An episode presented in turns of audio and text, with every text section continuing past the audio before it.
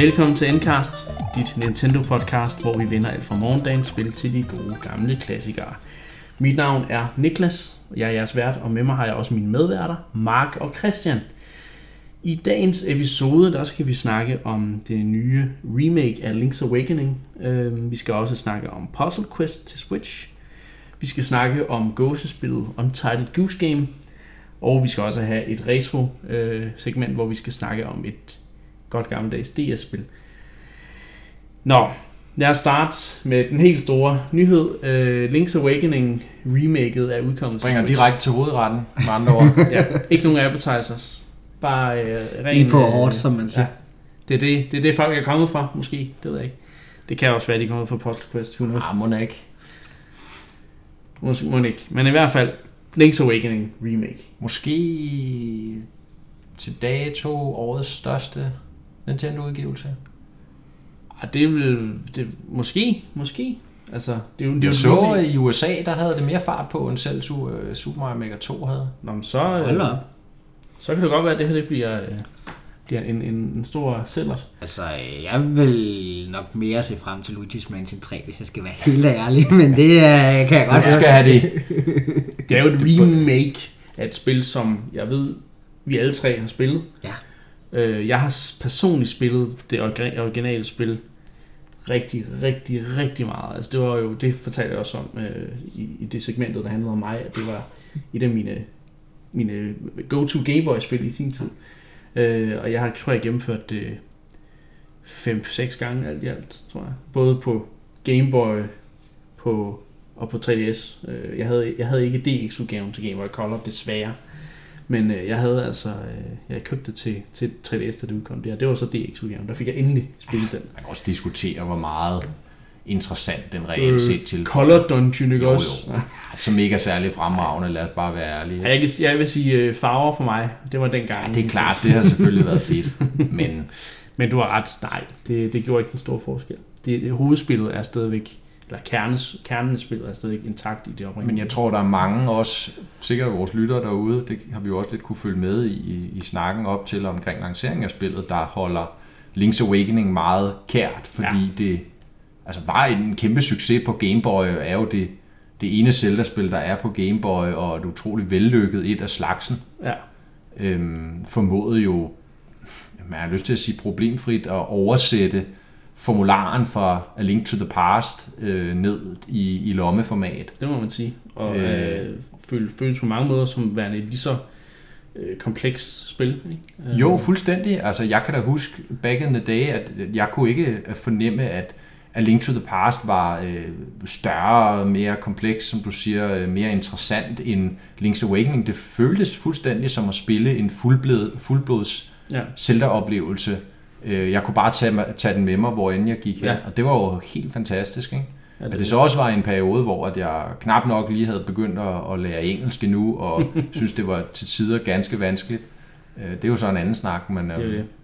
det var godt nok et, et stort eventyr at begive sig i kast med, og, det var jo klart, det, det tryllebandt jo helt vildt. Ja, det var mit, mit første møde med Zelda-serien, øh, og så har jeg været hooked lige siden nærmest. Ikke? Øh, men nu er det altså udkommet til Nintendo Switch i en... Det er blevet bygget helt op fra bunden øh, igen. Med øh, ny grafik, nyt soundtrack, øh, men spillet er som sådan gameplaymæssigt, udover nogle quality of life ændringer, så er det jo sådan set den samme oplevelse. Så hvad kalder vi det egentlig? Kalder vi det et remaster, eller kalder vi det et remake? Altså jeg vil jo kalde det et remake i det, at det ikke bare er et spil, der er skældet op til en højere opløsning. Ja. Øh, hvor de, det er jo ikke den samme, det er jo ikke den samme kildekode, de har jo skrevet, virker det til. Altså det hele er blevet bygget op helt fra bund, Ja. Antageligvis. antageligvis. Øh, vi ved selvfølgelig ikke, om, om de har kunne tage nogle ting fra, fra Game Boy udgaven eller noget, men, men det virker i hvert fald til at være fuldstændig bygget op fra bunden. Ikke? Jo. Øh, så jeg vil kalde det et remake. Det er, det er jeg enig i. Et meget, meget... Øh, altså et remake, der er meget tro mod sit øh, kildemateriale. Ja. Øhm, så, så men, men lad os lige øh, Hvad- ja. snakke om, om, om de ting, hvor, hvor spillet er tro mod sig selv, kan man sige. Så kan vi altid snakke om forbedringer bagefter. Eller om der er nogle ting, der ikke er blevet forbedret. Who knows. Spillet følger jo Link, der vågner op på øh, Koholint Island, efter han øh, er kæntret øh, i sit skib, og øh, møder de her mennesker, der ser meget bekendte ud. Marvin, som han møder, øh, hun øh, minder meget om prinsesse Zelda. Og så hendes øh, far, Tarvin, hvad fanden skal jeg kalde ham, Tarvin, han, øh, han ligner Super Mario. altså, så, så der er sådan, det er sådan... Ja, og så vandrer der også øh, gumbager Ja. rundt, og der er Kirby, og- er der, og der er... Ja, men det er Jo- Yoshi har, har også en, øh, hvad hedder det, en dukke, gæst, ja, ja, ja. gaststar med sit. Men i hvert fald, og, og det er jo sådan nogle ting, der også var med i det op- op- oprindelige spil, hvilket var, var ret spøjs dengang. Mm. Øh, for mig var det egentlig ikke så spøjs, fordi jeg havde ikke rigtig spillet så mange Nintendo-spil, så for mig var det egentlig bare sådan lidt, Nå, det er jo den samme udvikler, som der har, der, jeg ved ikke om jeg sådan tænkt som bare, Nej, nej. der stod Nintendo på, og så tænkte jeg, Nå, det er jo dem, der også har lavet det der Mario-spil. Øh, så det er jo, det er jo sikkert fint nok. Altså, de bruger nok bare nogle assets igen, et eller andet. Ja, det tænkte jeg totalt meget, da jeg var fem år gammel. Eller hvor meget det, var. det gjorde jeg. Det er 100%. Det tænkte spiludvikler Christian helt sikkert i hvert fald. Ja, det er helt sikkert. Så havde jeg så talt frames allerede dengang. Øhm, men ja, altså selve historien, selve dungeon designet og world designet er det samme, men der er nogle, hvad kan man sige, tekniske ting. Øh, de, der, altså vi, vi er kommet videre i teknologien siden Game Boy'en, sjovt Mm. nok. Så det vil sige, øh, hvor i de gamle spil på Overworldet, der havde du alle de her små øh, skærme, hvor du den ligesom, ja, fordi Game Boy'en jo havde den der Jamen, der var ikke noget rullende kamera. Ikke? skærm. Altså, ja, præcis. du gik ind i små kvadrater, og så løb du til Ja. kanten af et kvadrat, og så kom du over i næste kvadrat. Ikke? Så Ja. skiftede billedet. I remake, der, der, der følger kameraet dig. Der er ligesom et, et, et flydende billede, du går rundt i på over, mm. uh, overworldet. Det meste af tiden jo, ikke? Det meste af tiden, ja. Og så nogle gange, så bryder den det lidt op på samme måde som i Game Boy-spillet. ja. Men det er så mest i dungeons, ikke? Mm. Øh, men, jeg, men jeg synes, øh, jeg synes, det fungerer øh, ret, ret Altså, det er ret fedt at se spillet sådan i flyden, men, men på en eller anden måde virker spillet mindre Ja, af samme grund. Altså, det er som om, at, at øh, den der Mabe Village, den, jeg følte, den var så kæmpestor, fordi den var på så mange skærme, der var, ja. Ja. der var barn. Men, men nu er det, selvom det er det samme, altså tilesen er jo sat præcis ligesom de var mm. i Game Boy-spillet, men fordi at det flydende kamera, så virker det hele som, så småt ja. på en eller anden måde. Det er utroligt så stor en forskel, det gør. Jeg har, jeg har siddet og tænkt præcis det samme, ikke? at du kan jo løbe fra den ene ende af øen til den anden på et minut eller sådan noget. Ja, ja. Ja, måske lidt mere. Ja. Ja. Men, men det er virkelig, spillet får en helt anden... Ja, verdenen får en helt anden sammenhæng af, at, øh, at, at det er et flydende kamera, og, og, og tilsvarende kan man sige, den, det negative er måske, at den, den virker endnu mindre, end den egentlig er, ikke? Jo. Øh, men det gør også, at spillet flyder hurtigere, altså man kommer hurtigere omkring, fordi du Det skal ikke ligesom vente på at løbe ind i de forskellige skærme, og det er så heller ikke så tit, du gør det der, som man altid gjorde i Gameboy-spillet, hvor at, ah, så kommer man til at løbe en skærm for meget mod nord, hvor man skulle have været en gang mere mod venstre, eller vest, inden man løb mod nord. Ikke? Ja. Sådan noget. Her kan man jo hele tiden orientere sig i, hvilken retning man er på vej hen. Ja. Øh, så, ja, nogle gange får man faktisk lidt vild i, i de gamle spil. ja, præcis. Ikke? Så, noget jeg også synes, der er ret så interessant ved det nye kamera, det er, at øh, hvis det nu er første gang, man spiller spillet, så, øh, så henter kameraet sådan lidt til, jamen, øh, for eksempel så, øh, der er inde i byen, man starter i, der er den der, det der område med, med en masse græs på, på Gameboy-spillet, der kan du kun se det her område. Der kan du ikke se, hvad der ligesom er til, øh, til højre eller mod øst, men det kan du med, med det nye kamera, så du får ligesom sådan hintet om, at åh, der sker noget meget spændende, når du, man kommer herhen, og øh, husker, der er, øh, eller det er, der er, en, øh, der er et eller andet, der, der blokerer dig derhen, så du skal have en eller anden power-up for at komme derhen. Øh, så, det, så det er sådan, det, der, bliver, der bliver ligesom sådan hintet til, at her er en power-up, du skal hente, og hvis du får, eller når du får den, så kan du komme hen til det her. Øh, den effekt havde, de, havde Gameboy-spillet ikke, hvilket jeg synes er... det havde de faktisk nogle gange. Havde de det? Der var, der var nogle steder, hvor de, hvor de meget rigtigt. specifikt designede det, sådan, Det så rigtigt, vi lige ja. kunne nede i hjørnet kunne se noget, et, et nyt område, hvor der var et eller andet, der jeg kan sige, peakede interesse, men der har du meget mere i, i remaket, Ja. hvor der er mange flere steder, hvor du kan se over på den anden side af et træ, eller Ja. en væg, eller sådan noget, noget af den stil. Så det er jo ret i, at man ligesom får en, en fornemmelse af, at der er mange hemmeligheder i Ja. spillet. Ikke? Mm. Øhm, Men det er jo ultimativt, som jeg ser det, er det til det bedre. Altså, Ja, ja, ja. ja. har fået det klart. kamera, ikke? Selvom man måske kan diskutere, er der noget charme i, at man ligesom selv skulle fill out the blanks på Ja. ja. Gameboy-spillet, sådan ligesom, mens man rullede mellem de forskellige skærme, ikke? og det på en eller anden måde måske gjorde, at universet virkede større, end det egentlig ja. er. Øh, så, så, så giver det bare en, en anden form for sammenhæng, en bedre følelse af at ja. kunne navigere rundt i verdenen, ikke? og ikke Ja. far vild, fordi man, som jeg sagde før, lige glemte, at man skulle altså gå tre gange til venstre, mm. før man gik op. Ikke? jo. Øhm, Jeg Sådan tror nogle også, øh, Jeg tror også, det ville virke forældet på Switchen, hvis, det var, hvis de havde bibeholdt det der med, at det bare var enkelte skærme.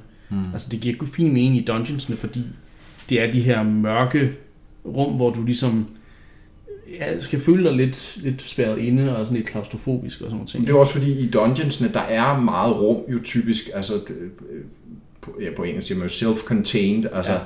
de, de, ligesom, de har et puzzle, denne her Ja, firkant er har et puzzle, ja. som ikke har nogen relation til rummet ved siden af eller ovenfor. Ja, det er rigtigt. Så du Øhm, separerer det på en Ja, så du separerer dem mere, så, så du ved ligesom, okay, jeg skal kun forholde mig til de her ja. ting nu for at løse det her puzzle, og så kan jeg så bevæge mig videre ind i det Så er næste der rum. de her traversal rum i dungeonsene, hvor den har det samme kamera som udenfor, det her flydende kamera. Ikke? Øhm, Så, men jeg synes, jeg, jeg synes faktisk, det fungerer godt, og grafikken er jo virkelig charmerende, øh, synes jeg.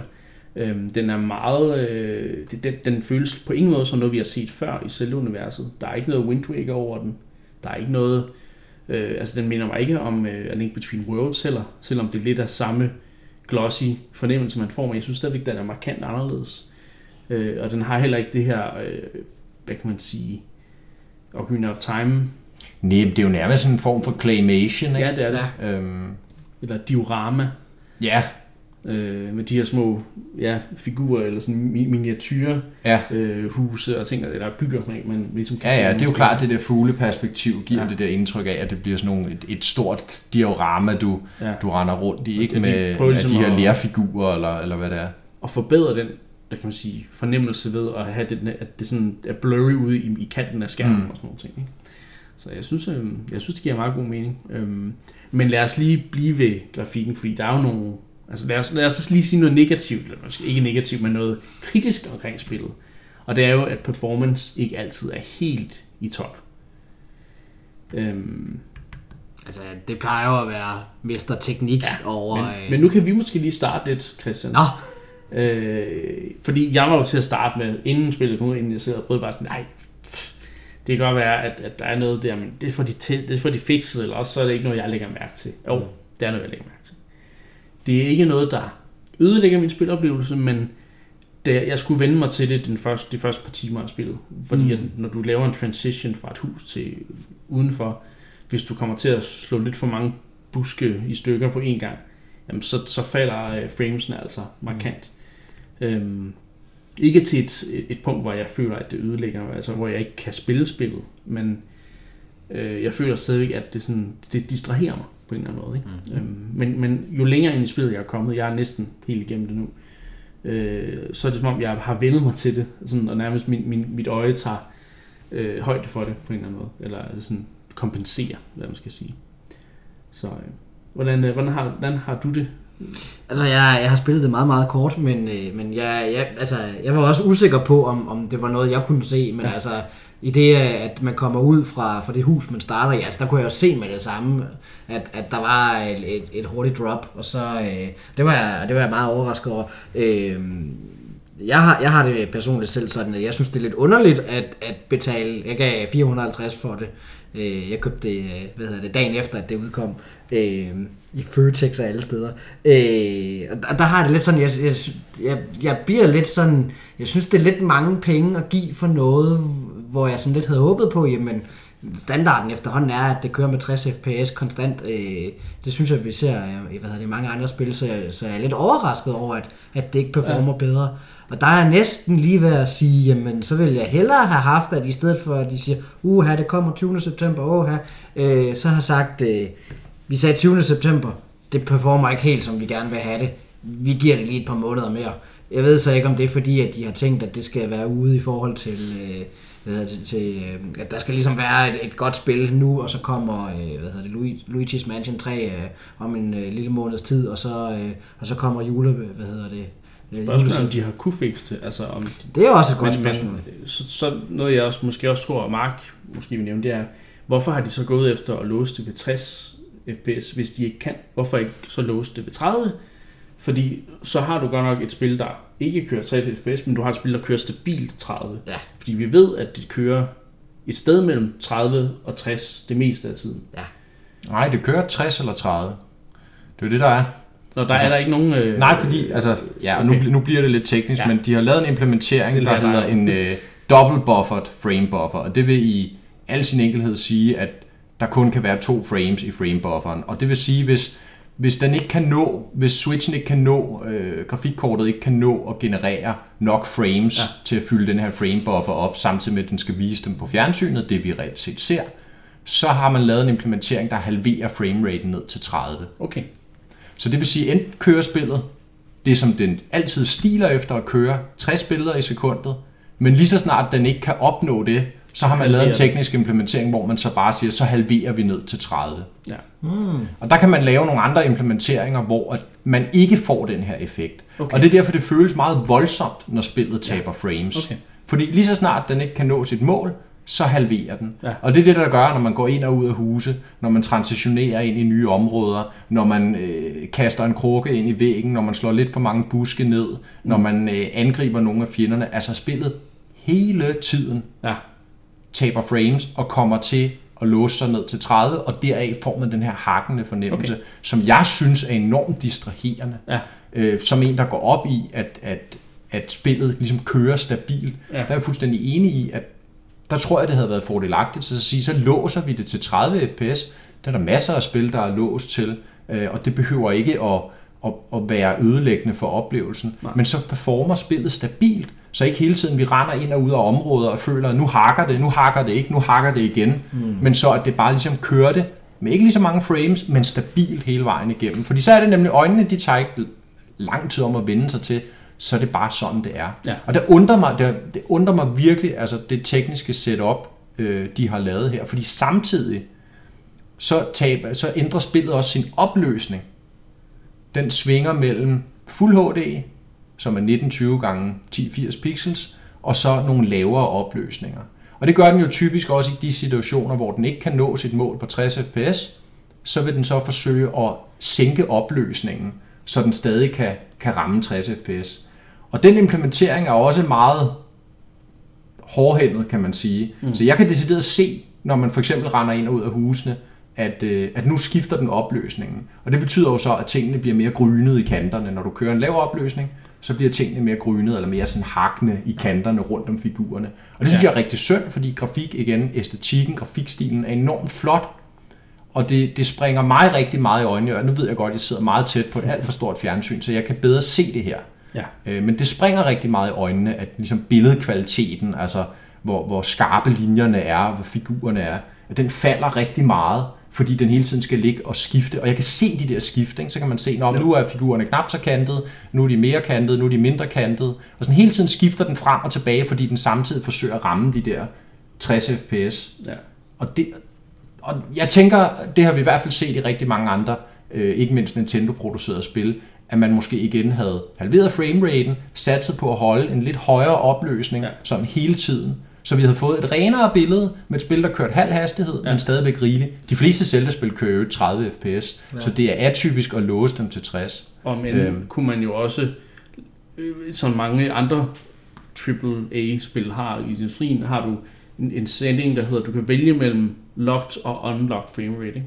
hvor du nu kan sige, jamen for dem der, som dig for eksempel, Mark, der, der egentlig foretrækker en stabil frame rate, og, og så den gerne må være øh, lavere, hvad skal, hvad skal jeg sige, at man har den funktion, at man kan vælge, men der er meget, meget få, hvad kan man sige, øh, settings, man kan ændre ved i Link's Awakening. Der er jo nærmest der er faktisk ikke nogen. Du kan gemme, og du kan load ja. Ja. det, ikke? Og så ved jeg godt, at I sidder jo og siger, at alle de her ting, jeg fabler om, og måske lægger mere i, end det egentlig er. at, Ja, det går ikke rigtig ud over gameplayet, det er jeg sådan set enig i, fordi Zelda er et meget, i hvert fald Link's Awakening er et meget sådan øh, tilgivende gameplay. Altså det er ikke fordi, at, at man dør tusind gange mod bosserne, eller virkelig skal kon- koncentrere sig om at ramme en fjende, øh, og angribe og blokere på det helt rigtige tidspunkt. Ikke? Det er sådan rimelig Det er mere environment, til at have med at det gøre. Ikke? Ja.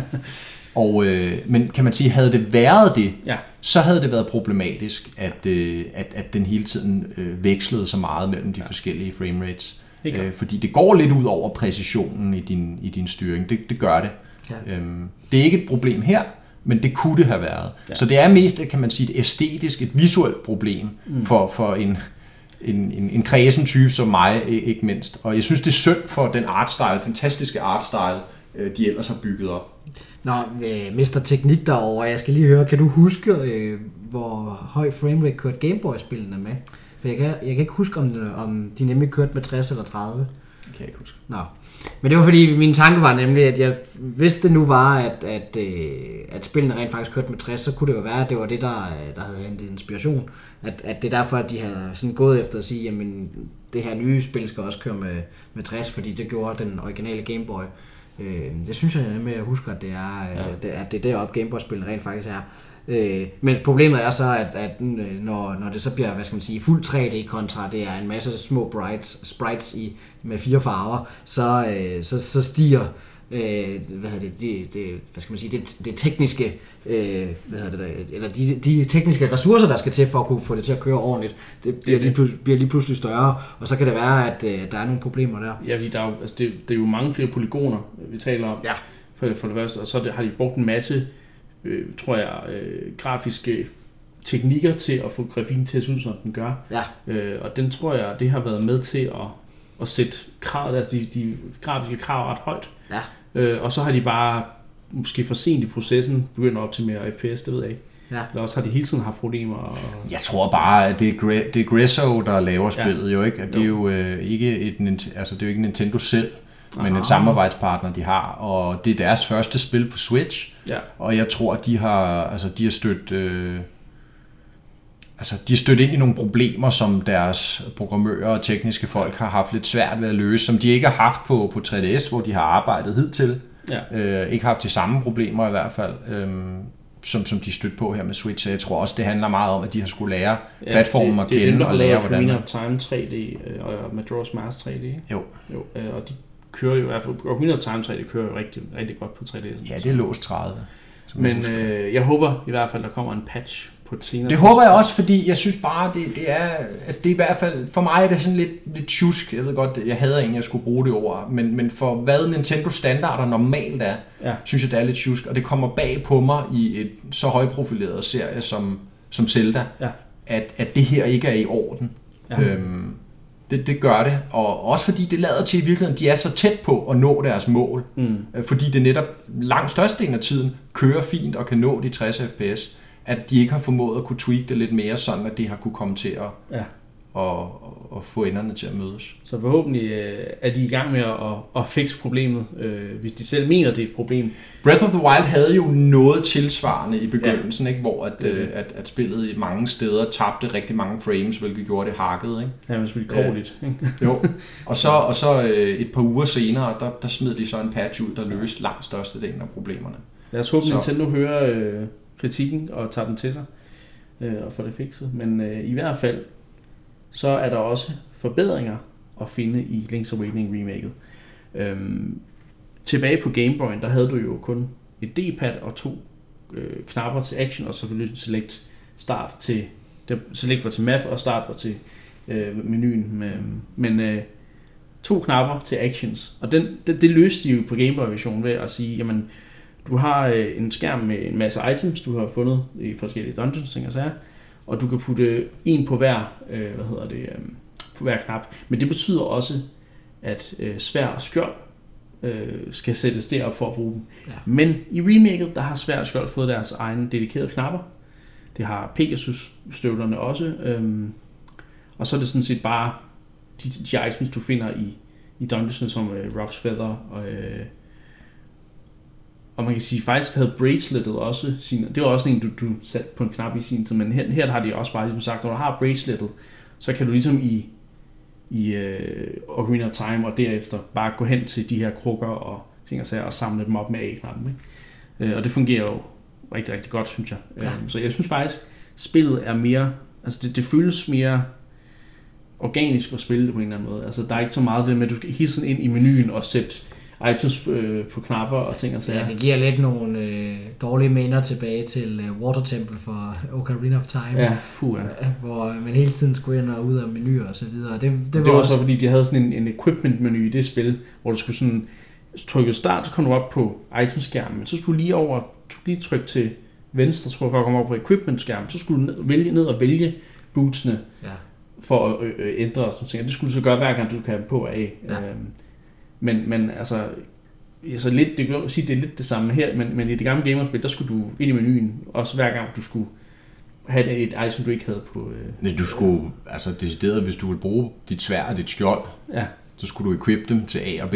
Ja. Præcis. Så Det der var var jo, rigtig altså, meget menu Water Temple er ingenting jo, Ja. i forhold til, Præcis. hvad vi det- strugglede med på Link's Det er Awakening. rigtigt, ja. Alt skulle mappes til de to knapper, ikke? så det blev lidt uh, item screen the game. Ja. Og det gør det jo, og der er remaket en klar forbedring. Ingen klart. tvivl om det. Og jeg vil faktisk gå så langt som til at sige, at jeg undrer mig over, at de ikke har mappet flere ting. Ja, Hvorfor for eksempel fjeren ikke også er mappet til den en, en, en knap, for den bruger du også hele tiden. Ja. Så lige nu der er den konstant optager den min X-knap. Og det vil sige, så har jeg så kun én knap tilbage til at assigne resten af de forskellige items til.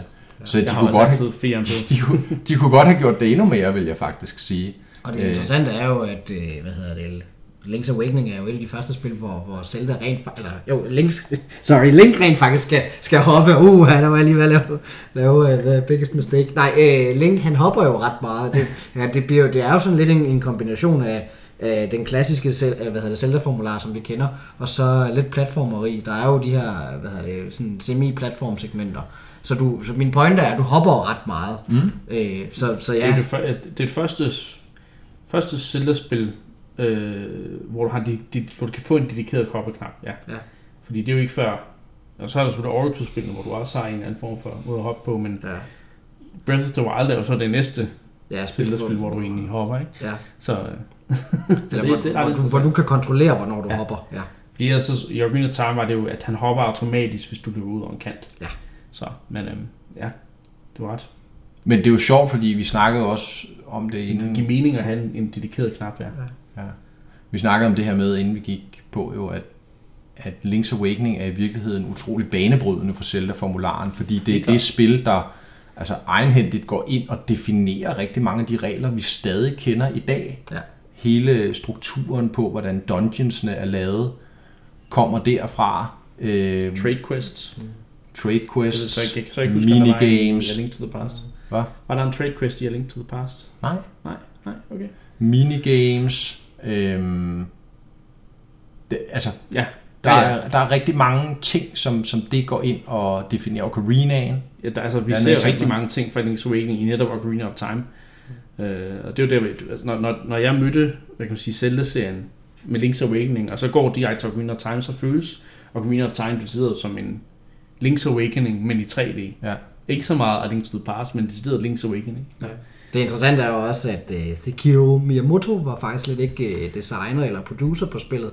Han har været tester og kommet med noget feedback senere hen i processen, men ellers har han faktisk ikke været, været med ind over processen. Og af hvad jeg har læst mig frem til, så startede det her spil faktisk som øh, øh, sådan, sådan et øh, hvad hedder det, fritidsprojekt blandt nogle af medarbejderne inde hos, øh, hos Nintendo, at øh, det var sådan, der var, øh, hvad hedder det, de, øh, de, det var nogle medarbejdere, der ville gerne, øh, hvad hedder det, ville lære øh, teknologien bag Game Boy lidt bedre, så de satte sig for ligesom at sige, hvad, hvad kan vi lave, og så startede de de her, jeg tror faktisk, de, de kaldte et eller andet The Game Boy Club, eller sådan noget i den stil, hvor, hvor de sad efter arbejde, ja. og så havde eksperimenteret med nogle ting, og så, og så de her eksperimenter begyndte så mere og mere sådan at sige, hov, det kunne faktisk være meget fedt at lave det her til, til et Zelda-spil, og det er på, fordi, at det startede altså, altså det er overhovedet ikke planlagt fra Nintendos side øh, at, at lave et Gameboy-spil, men det var bare, øh, medarbejderne var så glade for projektet, at de endte med at pitche det til, til ja. The Higher Ups i Nintendo. Okay. Øh, og det er også derfor, at, øh, at der er så mange Mario-referencer i spillet, fordi at, Ah, at, det, at det startede med at være et spil, som,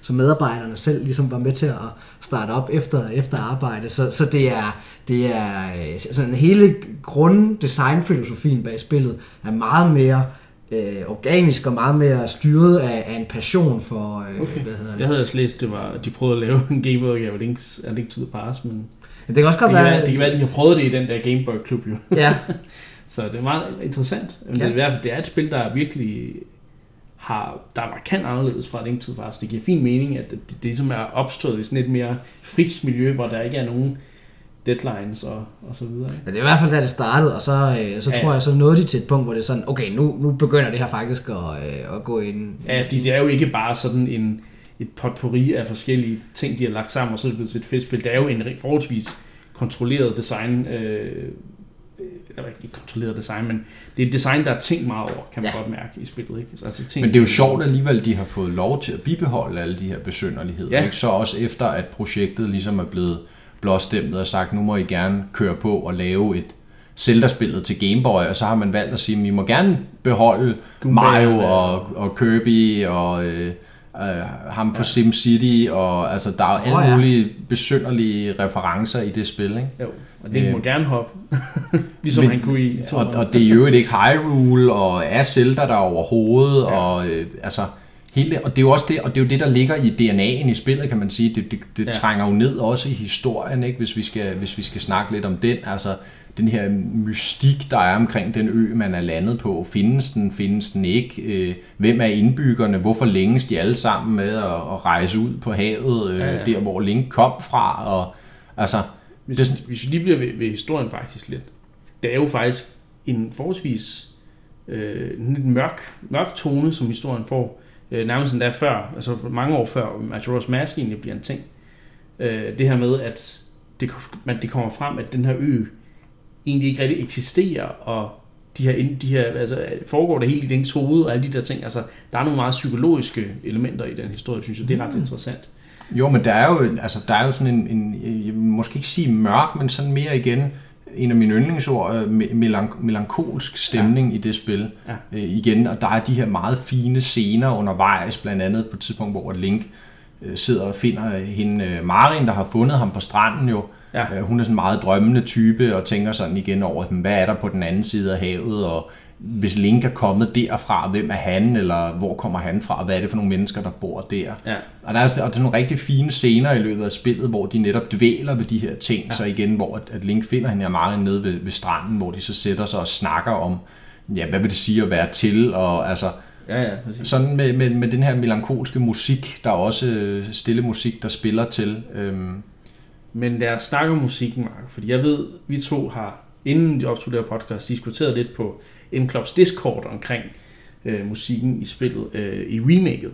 Fordi der er jo det, at der sker, når, når et remake, øh, altså når, når et spil bliver lavet igen, som et remake 20 år senere, eller mere, næsten 25 år senere efter spillet, ikke, er udkommet oprindeligt, så, så, skal, så skal de jo lave øh, grafikken om fra bunden, og de, de skal også indspille musikken igen, fordi de tænker, vi kan ikke bare køre de der chiptunes, der var på Game Boy, vi skal indspille med orkester og alle de her ting. Og det er jo, det er jo fair nok.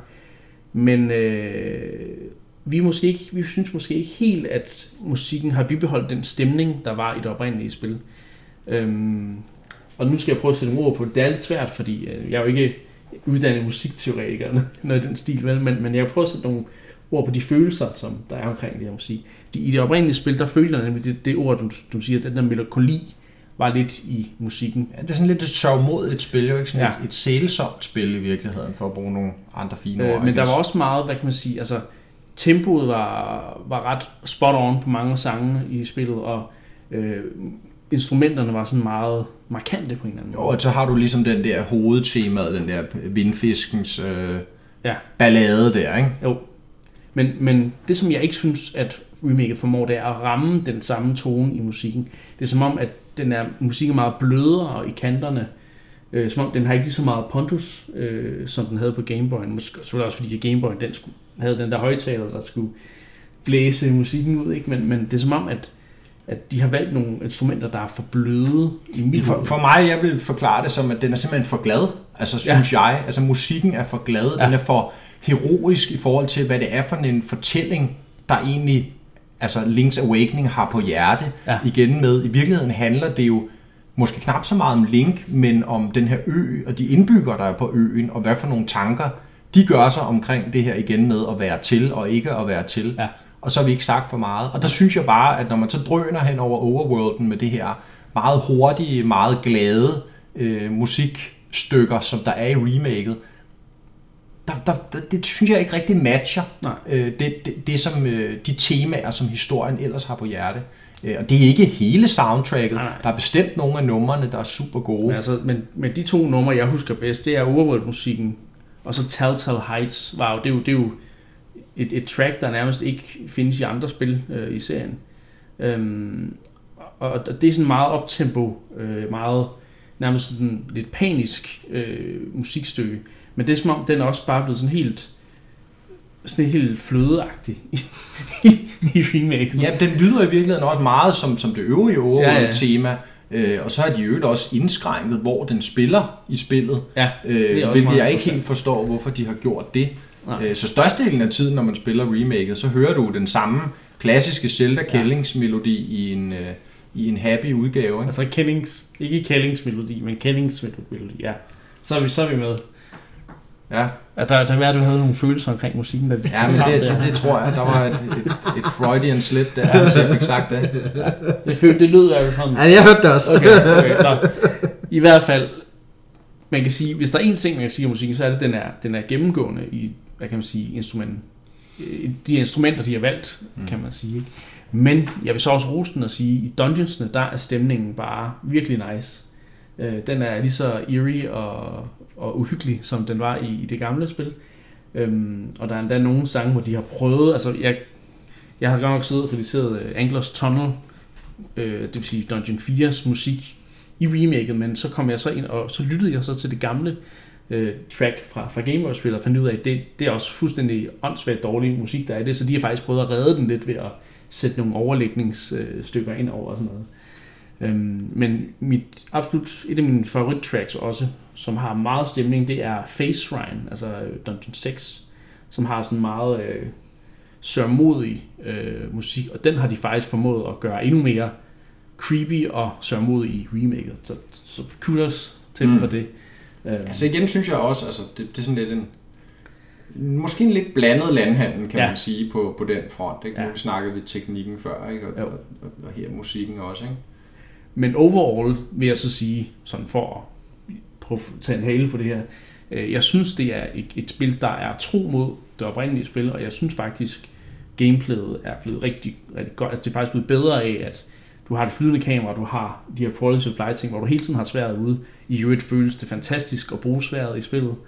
Øhm, og jeg kan også sige, at når man får øh, opgradering til sværet, så er det, det føles det som en rimelig stor opgradering.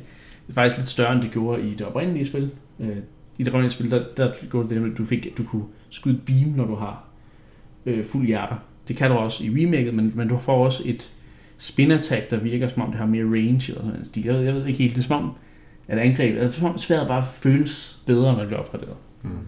Selvom det føles rigtig godt i forvejen. Nå, jeg, jeg rambler lidt omkring øh, de her ting. Ja, men kan, skal vi ikke bare sige, altså Link's Awakening, hvis også vi skal tale spillet sådan generelt, for nu, Ja. ja. nu har vi snakket lidt om, hvad kan remaket, hvad kan det måske ikke, Ja.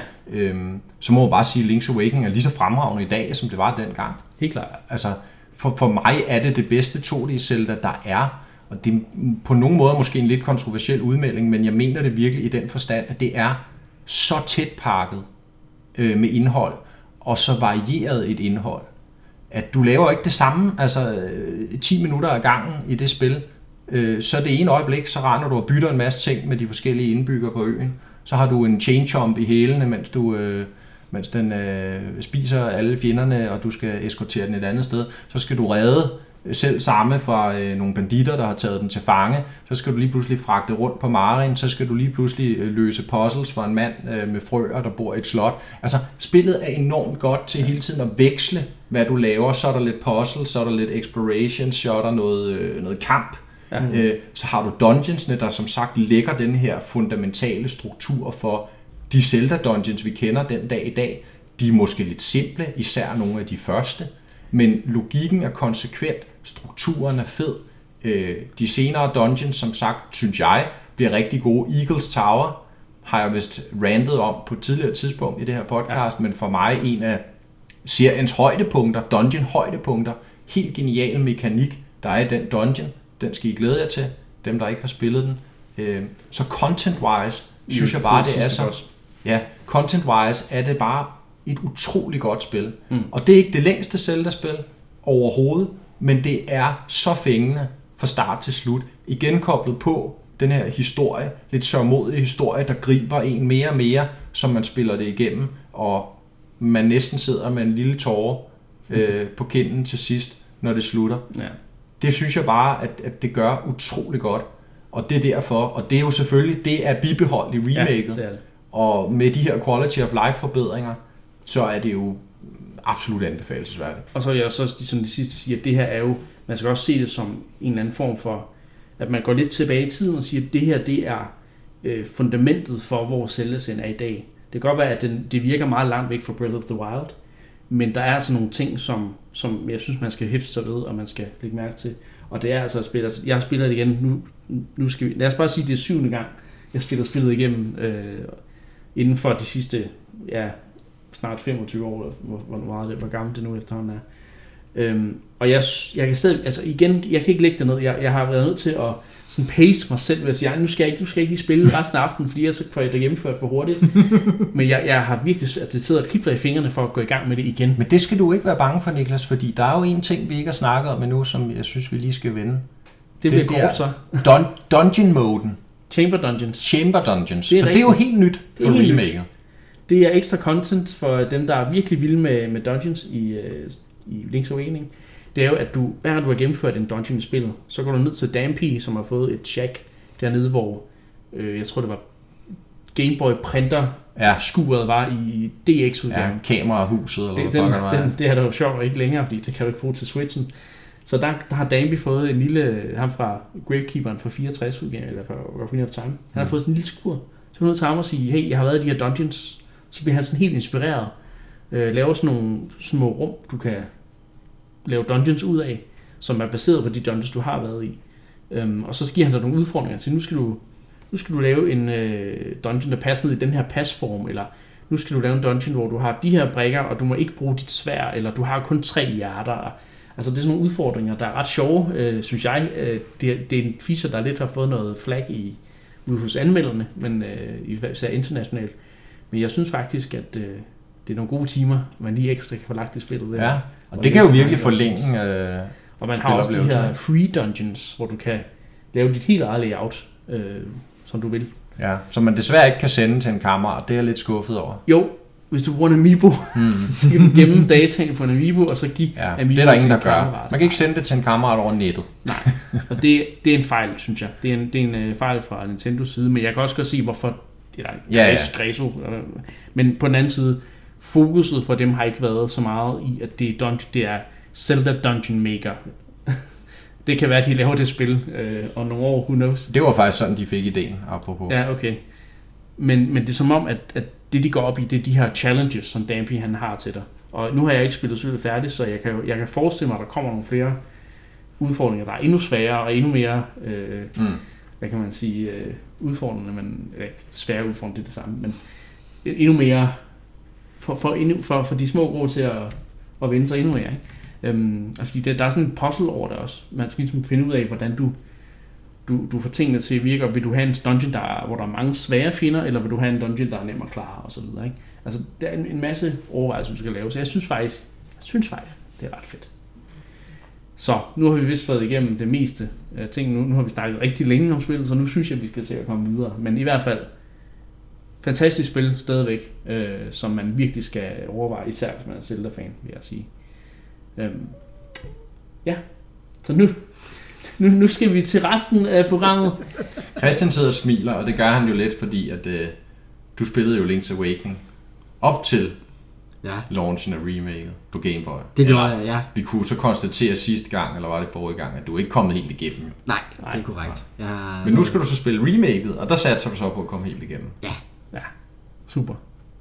Så remaket har lidt dræbt motivationen for at spille originalen, eller? ja, men det... Øh, Åh, jamen problemet er, at jeg bliver jo øh, crucified, hvis jeg siger... Nej, siger jeg er bare nysgerrig faktisk på en, som kan man sige, fordi både Niklas og jeg kender originalen og det nye nu her, ikke? Ja, Øh, men originalen har vi måske spillet for, for lidt lang tid siden. Du har først spillet originalen for nylig, ja. og så... Men, ja, men mit problem var, det snakkede vi også om i, øh, hvad hedder det, i den episode, hvor vi kom tilbage fra sommerferien, at jeg synes, der er nogle... Jeg, jeg føler, der er, der er nogle kommunikationsproblemer med spillet, at, at for eksempel det der med, øh, det tror jeg også, jeg nævner den episode, men der er, det der, der er de her telefoner, du kan gå ned og, og så ligesom få et hint til, hvad det næste, man skal gøre. Og der oplevede jeg i hvert fald i din originale udgave, at jeg havde gjort det, som telefonen sagde, jeg skulle gøre, og stadigvæk så fik jeg ikke et nyt tip om, hvad det var, jeg skulle gøre. Nej. Og der øh, var jeg bare øh, meget, meget dårlig, øh, hvad hedder det, jeg havde meget dårlig tålmodighed, så der gik jeg bare på nettet og fandt en, fandt en guide og fandt ud af, jamen, hvad var så det næste, jeg skulle gøre. Ja, og det kan I selvfølgelig ikke se der, hvor I... Jeg sidder og øh, ryster på hovedet her. Ja. Det er ikke så godt. Men det er også, Det håber jeg ikke, du har lyst til i remaket, fordi der er, altså spillet er ikke vidderligt ikke særligt stort. Nej, Du kan, jeg tror, du kan explore hele overworlden på 20 minutter.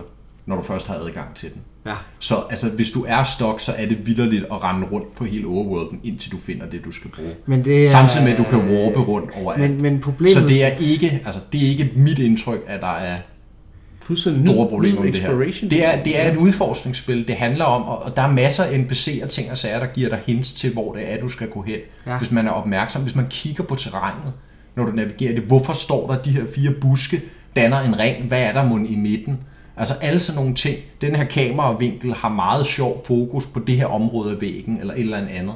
Ja. Der er spillet, synes jeg, enormt godt til ligesom hele tiden at indikere, hvad er det, du skal, uden at decideret give dig svaret. Nej. Og det er jo nok også derfor, at man ikke bare giver svaret i telefonboksen. Ikke? Ja. Ja. Fordi det, det dræber jo noget af det, at du Men selv det var ligesom ikke, skal det var ikke så meget det med at, at give svaret. Det var mere det der med, at der, der kommer en, en tekstprompt med nogle hints, og så, så lægger jeg to og to sammen og siger, okay, det er her, jeg skal hen. Så gør jeg det, der står, så forventer jeg ligesom, okay, når jeg så har gjort det, at jeg har hentet og afleveret en eller anden ting til en eller anden person, jamen så forventer jeg, så kommer der en ny tekstprompt, og så kommer med et nyt hint. Problemet er, at jeg, jeg mener, uden at være helt sikker, jeg har nemlig kun brugt telefonen to gange i remaket, fordi så god er jeg. Nej. Øh, det er fordi, jeg tror faktisk kun, at de hints, de handler om, hvor du skal hen, og hvordan du kommer ind i de forskellige dungeons, tror jeg. Ja, det er også sådan, jeg Men de giver dig ikke alle svarene til mellemledende, Ja. for at komme derhen. Og det er der, hvor du skal ud i verdenen og snakke Snak med folk, og Bruge de items, du lige har fået til at komme nye steder hen, Ja. og sådan nogle ting. Ikke? der er på et givet tidspunkt i Link's Awakening altså ikke særlig mange variable i forhold til så mange andre mere komplekse spil. At jeg, jeg har aldrig oplevet det som et reelt problem. I virkeligheden er det måske, skal man bare lade være med at bruge de der skide telefonbokse, og så, så lade det så naturligt flyde igennem spillet. Mm. Øh, med hvor folk leder dig hen, hvor ulen kommer over hele tiden og siger, nu skal du derhen, Ja. ja. nu skal du arbejde på at komme ind i vandfaldet, nu skal du gøre sådan og sådan. Og den kommer også, når du kommer i et relevant område, så kommer ugen og siger, hov, nu, nu er du på rette færd. man Men ja, man skal være opmærksom. Det stiller nogle krav, det spil, til din opmærksomhed. Øh, og til at kigge, hvad der er i sceneriet. Det er jo det, Ja. i virkeligheden udforskning går ud på. Ja. I øvrigt så er remaket blevet lidt mere tilgivende, fordi den, øh, når du får, du har jo de her seashells, secret seashells, du skal finde i spillet. Der har de oppet det fra i stedet mellem 20 og 30 i det oprindelige spil til nu, nu er der altså 50. Og øhm, nu, har du, nu kan du få sådan en sensor, når du får nok af dem til at finde de Uh. hemmelige seashells. Så på en eller anden måde, så er de lidt bedre til at, de er lidt mere tilgivende på den der handholding øh, front der. Men øh, nu sætter jeg altså for noget. Nu, nu skal vi ikke snakke mere om Link's Awakening, selvom det var et rigtig godt indskud. Øh, jeg tror faktisk nærmest, vi kunne have lavet en hel episode kun om det spil, men Jeg tror Nu faktisk, skal vi har lavet et helt episode nu. Ja, men nu, nu må folk høre, hvad der ellers er på programmet. Jeg nævnte i starten af programmet, at vi skal også snakke om Puzzle Quest. Mark, Ja, det er et spil, du har spillet. ja. Der, var, og, og der måtte jeg jo næsten sætte foden ned og sige, jeg vil gerne Jeg snakke om skal, Puzzle jeg Quest. vil jeg snakke skal. om Puzzle Quest. Ja, Jeg har aldrig spillet. Jo, måske på mobil. Kan det passe? Jeg er faktisk i tvivl om, der er lavet Okay. en mobilversion af det. Men, kan, men Mark, kan du ikke lige starte ud med at forklare, Ja, hvad er fordi- ja, hvad er det, går ud på? Fordi jeg er ikke sikker på, at jeg rent faktisk ved, hvad det går ud på. Det er noget med puzzles og noget med quests. Ja, det kan man... Grunden, grunden til, at jeg gerne vil snakke om Puzzle Quest i det hele taget, hvis man bare går ind og slår Puzzle Quest op, så ligner det et eller andet uh, run-of-the-mill uh, mobil match 3 game, altså tre på stribe spil. Ja. Uh, sikkert med masser af microtransactions og alt muligt andet skrald. Ja. Det er det ikke. Nej. Det er et tre på stribe spil, men det er kombineret med helt klassiske rollespil-elementer. Ja. Det udkom tilbage i 2007 på Nintendo DS og PlayStation Portable. Blev ikke en specielt stor succes, men det blev det så året efter, da det kom på Xbox Live Arcade på Xbox 360. Mm. Der var det ligesom, der fik det, hvad kan man sige, nok udspredelse til, at det eksploderede og blev en kæmpe succes for dem, det lavede, øh, for dem der lavede det. Og det er faktisk en lidt sjov historie, fordi manden bag Puzzle Quest, Challenge of the Warlords, som er den officielle titel på spillet, har lavet en meget berømt PC-strategi-spilserie tilbage i starten af 90'erne, der hedder Warlords. Måske nogle af jer derude, der kan huske. Øhm, de var kæmpe store i starten af 90'erne. Puzzle Quest er faktisk en, sat i samme univers, eller sådan en, en afledt af, af mm. Warlords-serien. Men som jeg sagde, det er et tre på stribe-spil med klassiske RPG-elementer. Så du er en held, af en eller anden class-type. Det kan være en mage, det kan være en ridder, det kan være en, en øh, skjald, det kan være alle mulige sjove kombinationer. Og de har så en spelliste, som de bruger til at angribe fjender. Og når man er i kamp med fjender, så er det tre på stribe. Med et stort board med farvede diamanter. Der er også nogle dødninghoveder, der er noget guld, og der er nogle stjerner. Fedt. Hvis man matcher tre dødninghoveder, så skader man fjenden. Hvis man matcher tre farvede diamanter, så får man mana. Og mana bruger du så til at kaste dine spells. Frem og tilbage. Okay. Og der er jo så altså, rigtig stor variation allerede her, fordi at de her classes, du vælger, også de fjender, du spiller imod, fungerer jo vidt forskelligt afhængig af, hvad for nogle spells de har. Men fundamentet er det samme. Du har dit board, hvor du skal lave tre på stribe, eller fire på stribe, eller kombinationer. Øhm, og sådan kører det. Og så kæmper du, så tager du quests, du rejser rundt i landet, frem og tilbage, der er random spawns, der er gear, du får bedre gear, der lige pludselig gør, du ja, får dobbelt så meget mana, eller skader tre gange så meget, eller kan deflekte skade osv. Der, du går level op, så får du nye spells, du kan bygge byer, udvide din by, så du kan bygge smedjer og øh, hvad hedder det, stalle og alt muligt, der gør, at du kommer hurtigere omkring, der gør, at du skader mere, kan bygge gear. Det er ret så omfattende, skulle Det jeg er. Bejeweled med strategi og, øh, og fantasy tropes. Nu, nu skal du huske, Bejeweled er faktisk ret gammel, så det vil være Candy Crush, hvis, øh, hvis vi skal... Som jeg er også. Du er også ret gammel, Så- det ved jeg ja. godt, ja, men det var mere sådan til, til hvis der nu Nå, er men det er lyttere, bare, jeg tænkte til, så, okay, så, hvis der er lyttere, der ikke er så gamle, så bliver vi jo nødt til at snakke, snakke så de forstår. Så, der er, så det er Candy Crush. okay, Bejeweled slash Candy Crush. Ja. Bejeweled er den rigtige udgave, okay? det er rigtigt, ja, det er jeg enig i. Men Puzzle Quest er ligesom en lidt mere... Det er en hybridgenre, Ja. altså mellem træ på stribe og, og klassisk Kan det rollespil. passe, nu, nu må du rette mig, mm. kan det passe, der har været et Mario crossover?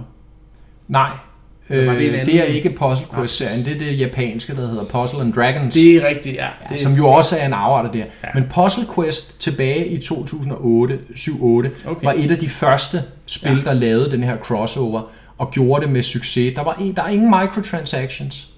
Så du betaler 120 kroner, så er der, altså, jeg tror det tager 50 timer bare at komme igennem hovedkampagnen. Wow. Og til øh, Switch remaket har Ja. de lavet, øh, hvad hedder det, der er både øh, originalspillet selvfølgelig, øh, så er der den øh, første expansion, der blev udgivet til det, også tilbage på Xbox, så er der kommet en ny expansion.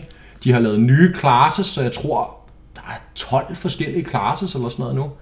Øhm, wow. Nye quests, nye, øh, hele interfacet er blevet opdateret osv. Så, øh, Så det er et remake, men med ekstra content og, og Ja. modernisering. Ja. Og så den lige nu er den eksklusiv på Switch, hvilket jo altid er lidt sjovt at nævne. Ja. Øh, men, men det er, altså back in the day, der var en grund til, det eksploderede og blev så Ja. ja. stort. Det er fordi, det er, at det lyder sgu lidt dumt, det vil jeg gerne medgive, men, men det fungerer bare. Ja. Og det griber i dig, og du kan ikke stoppe med at spille det, indtil man er kommet igennem. Så du har Men- spillet 50 timers Puzzle Quest. Nej, fordi nu skal jeg lige spille... Nå, ja, back in the day, det Ja. har jeg faktisk gjort flere gange, så med de Åh, forskellige klasser. okay. Der er online multiplayer, så når man er blevet færdig med at specialisere sin klasse, så kan man duellere mod andre. Sejt. Ja. Så øh, pisse fedt spil.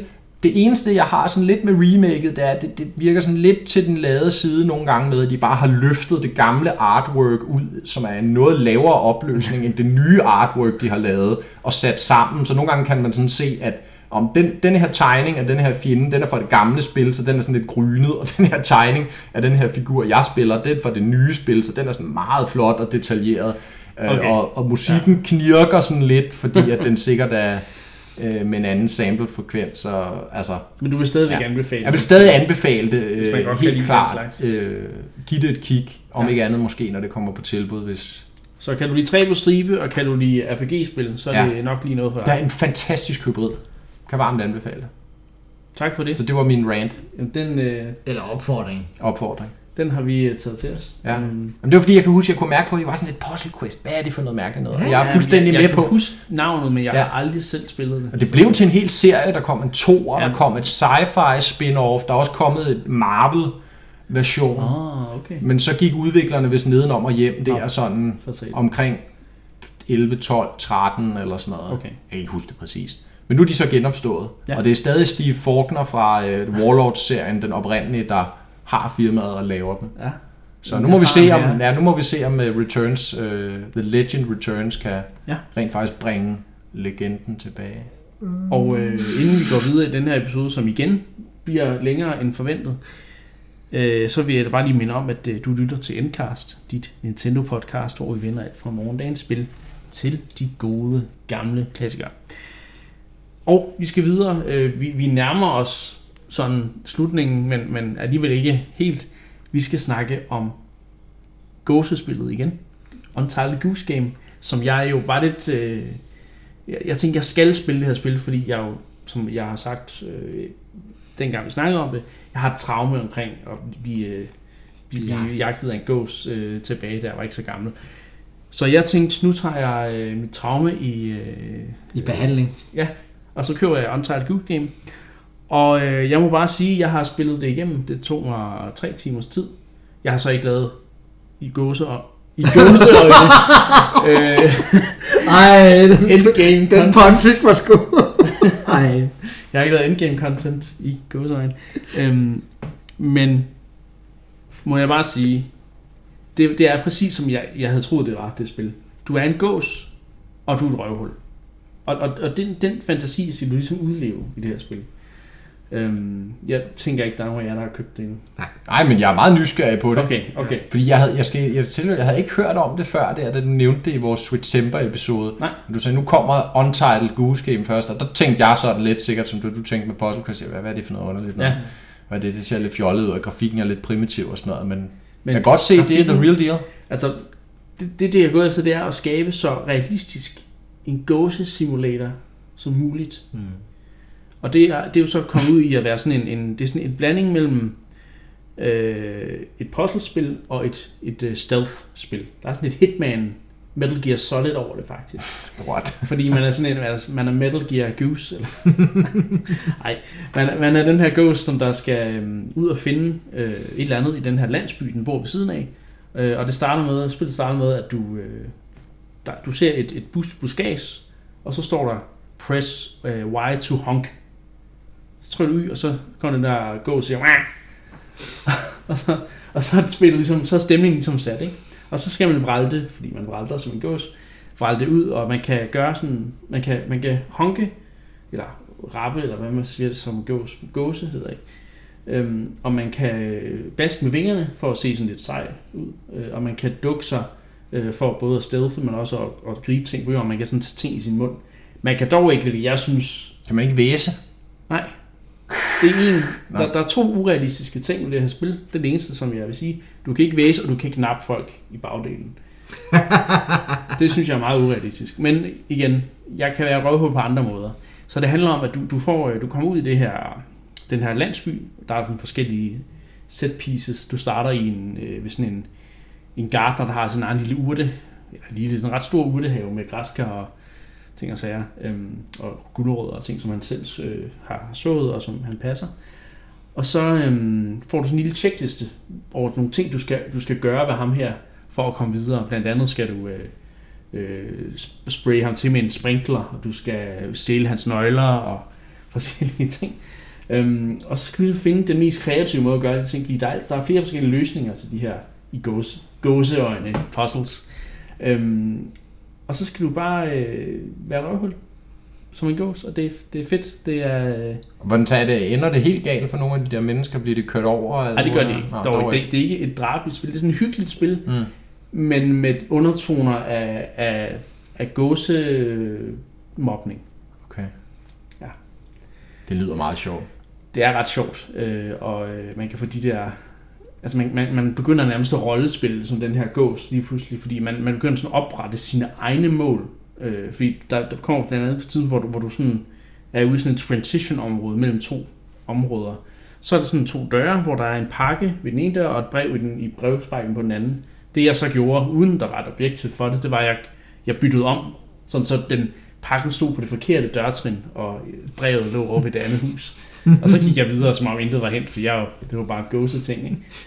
Så, og man begynder også det der med sådan, at nogle gange sådan, fordi det fede er, at der er sådan nogle små øh, gamefeel ting, øh, hvor du ligesom, når du går, kommer tæt på et andet, på, på en person, så begynder din gåsen at kigge på dem, og de kigger på gåsen. hvis de har set det, hvis mindre man stealther. Men, så, og så, så så, laver jeg sådan nogle gange sådan nogle situationer, hvor jeg, sådan, jeg står i, i tre sekunder og bare kigger, og så siger jeg bare, Argh! så bliver det sådan helt øh, for overrasket, de her det, beboere. Jeg, jeg, jeg hygger mig så meget med det spil. Der er ikke specielt meget gameplay i det, fordi det bare er, at du en gåstarten rundt og tager ting. Og, øh, Men det er jo imponerende, at man kan få så meget underholdning ud af Ja. så simpel altså interaktion. ikke? Men det er et ret kort spil. Det tog mig, som sagt, omkring 3 timer at gennemføre det. Det har kostet lige omkring 100 kroner. Jeg tror, det kostede 120 i fuld pris. eller Ja, og der kan du så få Puzzle Quest, hvor man kan spille i 50. Ja. Måske Men er du en gås? Det tror jeg Nej, også, du jeg kan ikke lide. væse. Det kan du ikke. Du kan ikke honke af... af Køb begge to så. Det, det vil jeg i hvert fald. Øh, måske. Men i hvert fald, så, så kan du få rigtig meget hygge med det her spil. Mm. Øh, og det er sådan, jeg- jeg sad og spillede sammen med en kammerat, hvor vi sådan delte sådan controlleren og sådan sad og prøvede at finde ud af i samme, altså i samarbejde, hvordan skal vi teori, teo, øh, hvad hedder det på dansk? Hvordan skal vi Overkomme de her udfordringer. Nej, hvordan skal, hvordan skal vi terrorise den her Terrorisere. landsby, terrorisere den her landsby Nå, så Ja. ja. vidt muligt. Øh, Blandt andet er der sådan en lille dreng, man kan løbe efter. Han, han, han er faktisk mig. Han er De har dig. faktisk taget mig Ja. med i spil, fordi han er bange for, for den der gås. Ja. Ja. Når, man, når man går og rapper af ham, så, så løber han. Der er et tidspunkt, hvor man skal have ham ind i en telefonboks. Og Så nu fik du endelig den episode fra gåsens Ja. synspunkt. Altså, det, det sagde jeg til min kammerat. Det der, det er mig. Det er mig i Ja. spillet. Jeg, jeg er faktisk med. Ja. Fedt. Men var det så, øh, hjalp det så på dine traumer? Det tror jeg ikke. Jeg tror, jeg er blevet mere bange for, for Ja. gæst, faktisk. Nu forstår du, hvorfor gåsen gjorde det. Ja, fordi en gås det var, er den bare... synes, det var mega sjovt. Ja.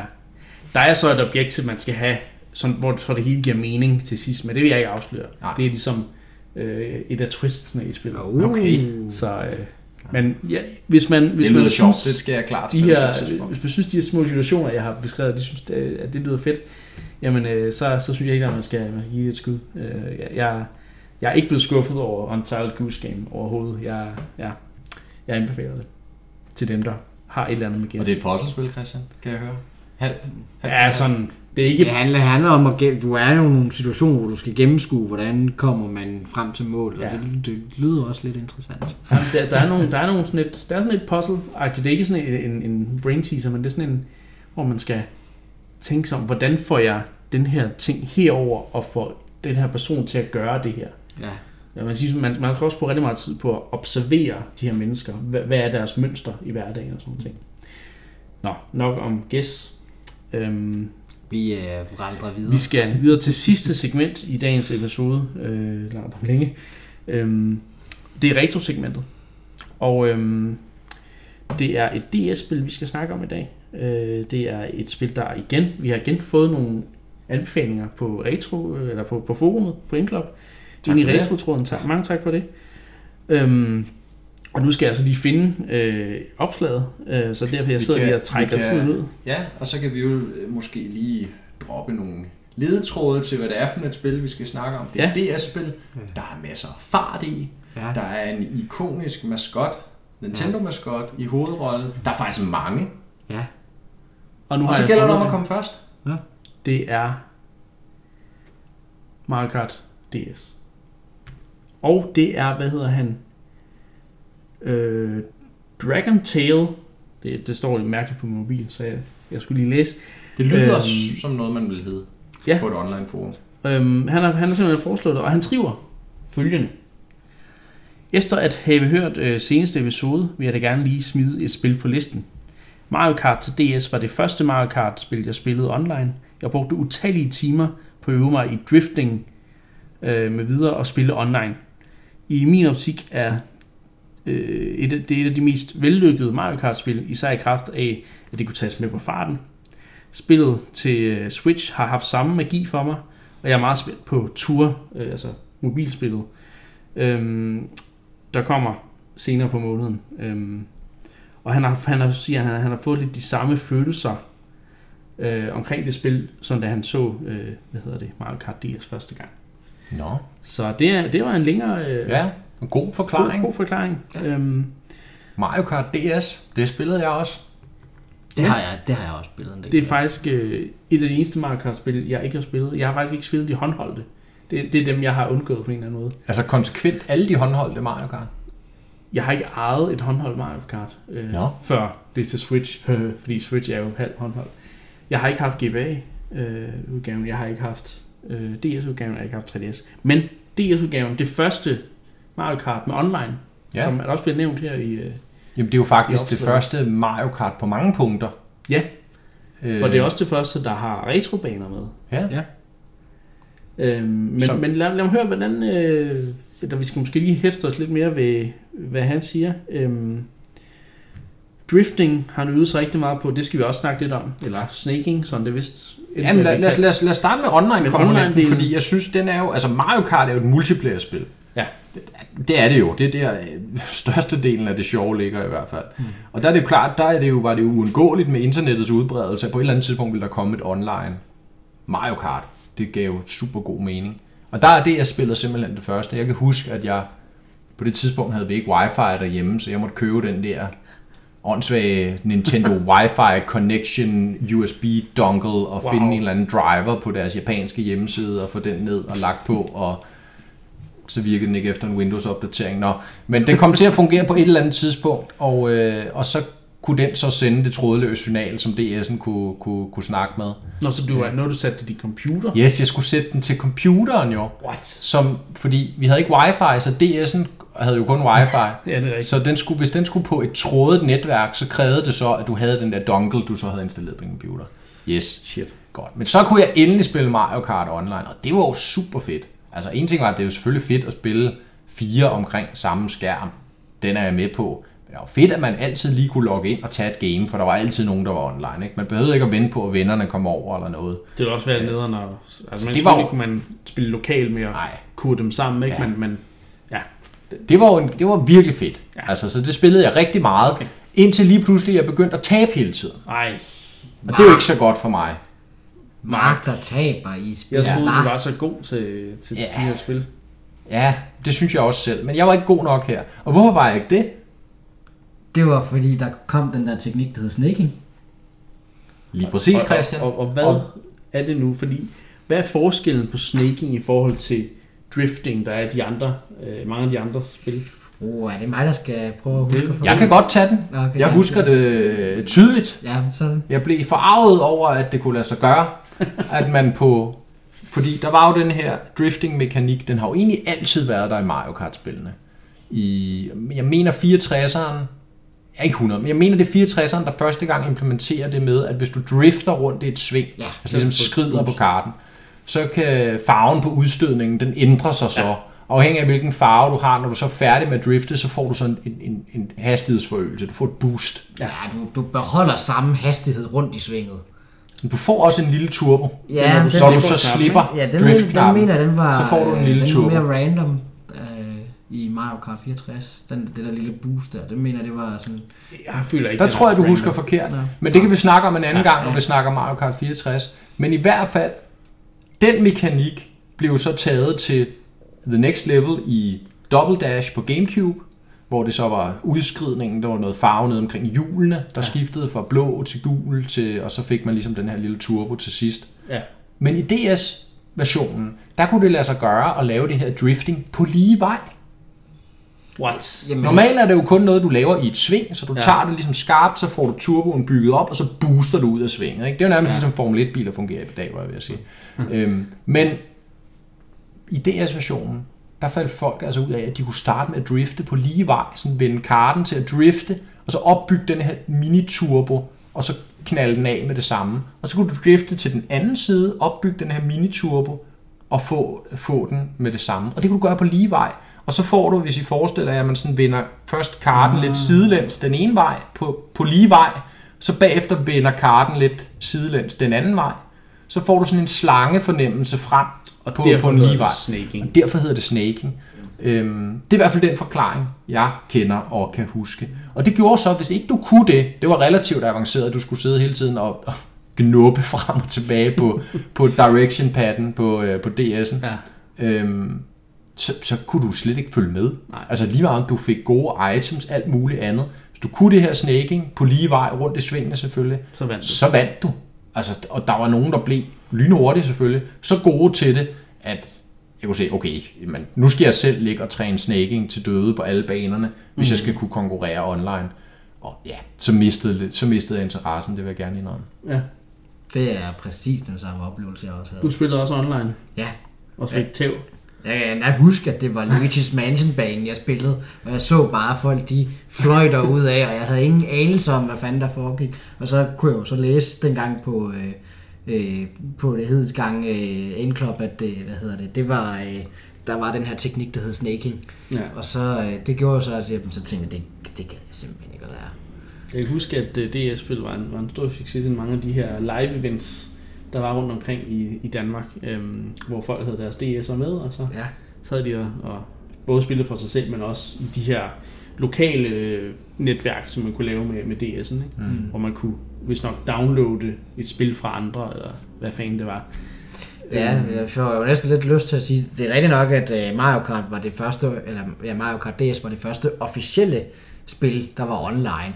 Men, øh, men Mario Kart D, eller hvad hedder det, Mario Kart Double Dash havde jo faktisk lidt en, øh, Det er en, rigtigt. en interessant ting. Det ved jeg ikke, om vi skal komme lidt ind Nej, på. det tror jeg, vi skal vente til, hvis, Det venter vi med, til okay. den dag, ikke hvis, til når vi snakker om Double Dash, som jo Ja, det er er rigtigt. mit, et af mine favorit Mario Hvis I Kart vil høre histor- Christians hemmelige historie, så skal I jo anbefale Double Dash derude på kommentarfeltet, så kan det være, at vi tager det Hint, op. hint. Øhm, men for lige at runde snaking af, så kan man sige, at det var jo kontroversielt i den forstand, at det gjorde det rigtig vanskeligt for mange at vinde, altså selvom man brugte items og det hele, og det strider jo måske lidt imod, hvad Mario Karts DNA er, at alle skal have en mulighed for at vinde næsten lige meget, hvilket niveau du er på. Andre omfavnede det jo, og synes det, altså, synes det var en fed ting, og det ligesom bare øgede, altså det vi kalder skill ceilingen, hvor god du kunne blive til spillet. Fordi ja. hvis du virkelig dyrkede snaking, du kunne blive sindssygt god til det, og det krævede tårnhøj teknik og fingersnille, ingen tvivl om det.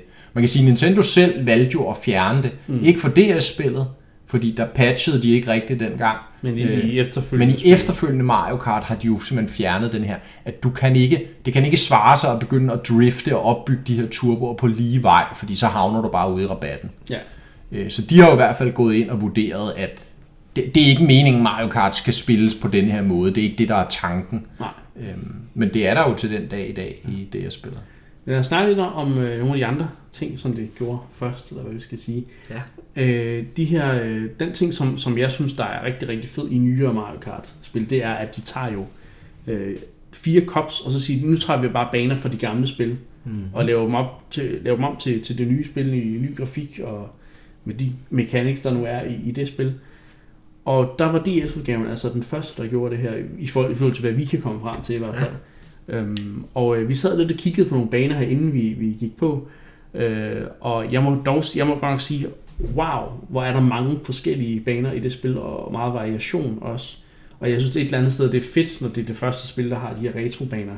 At det bare siger, alle cops har en SNES-bane, en GBA-bane, en 64. 64-bane og, Og en en Gamecube. Gamecube-bane. Ja. Altså, så har du yder med med et, øh, et, Et stort bibliotek ja, af det må baner. man Ja, sige.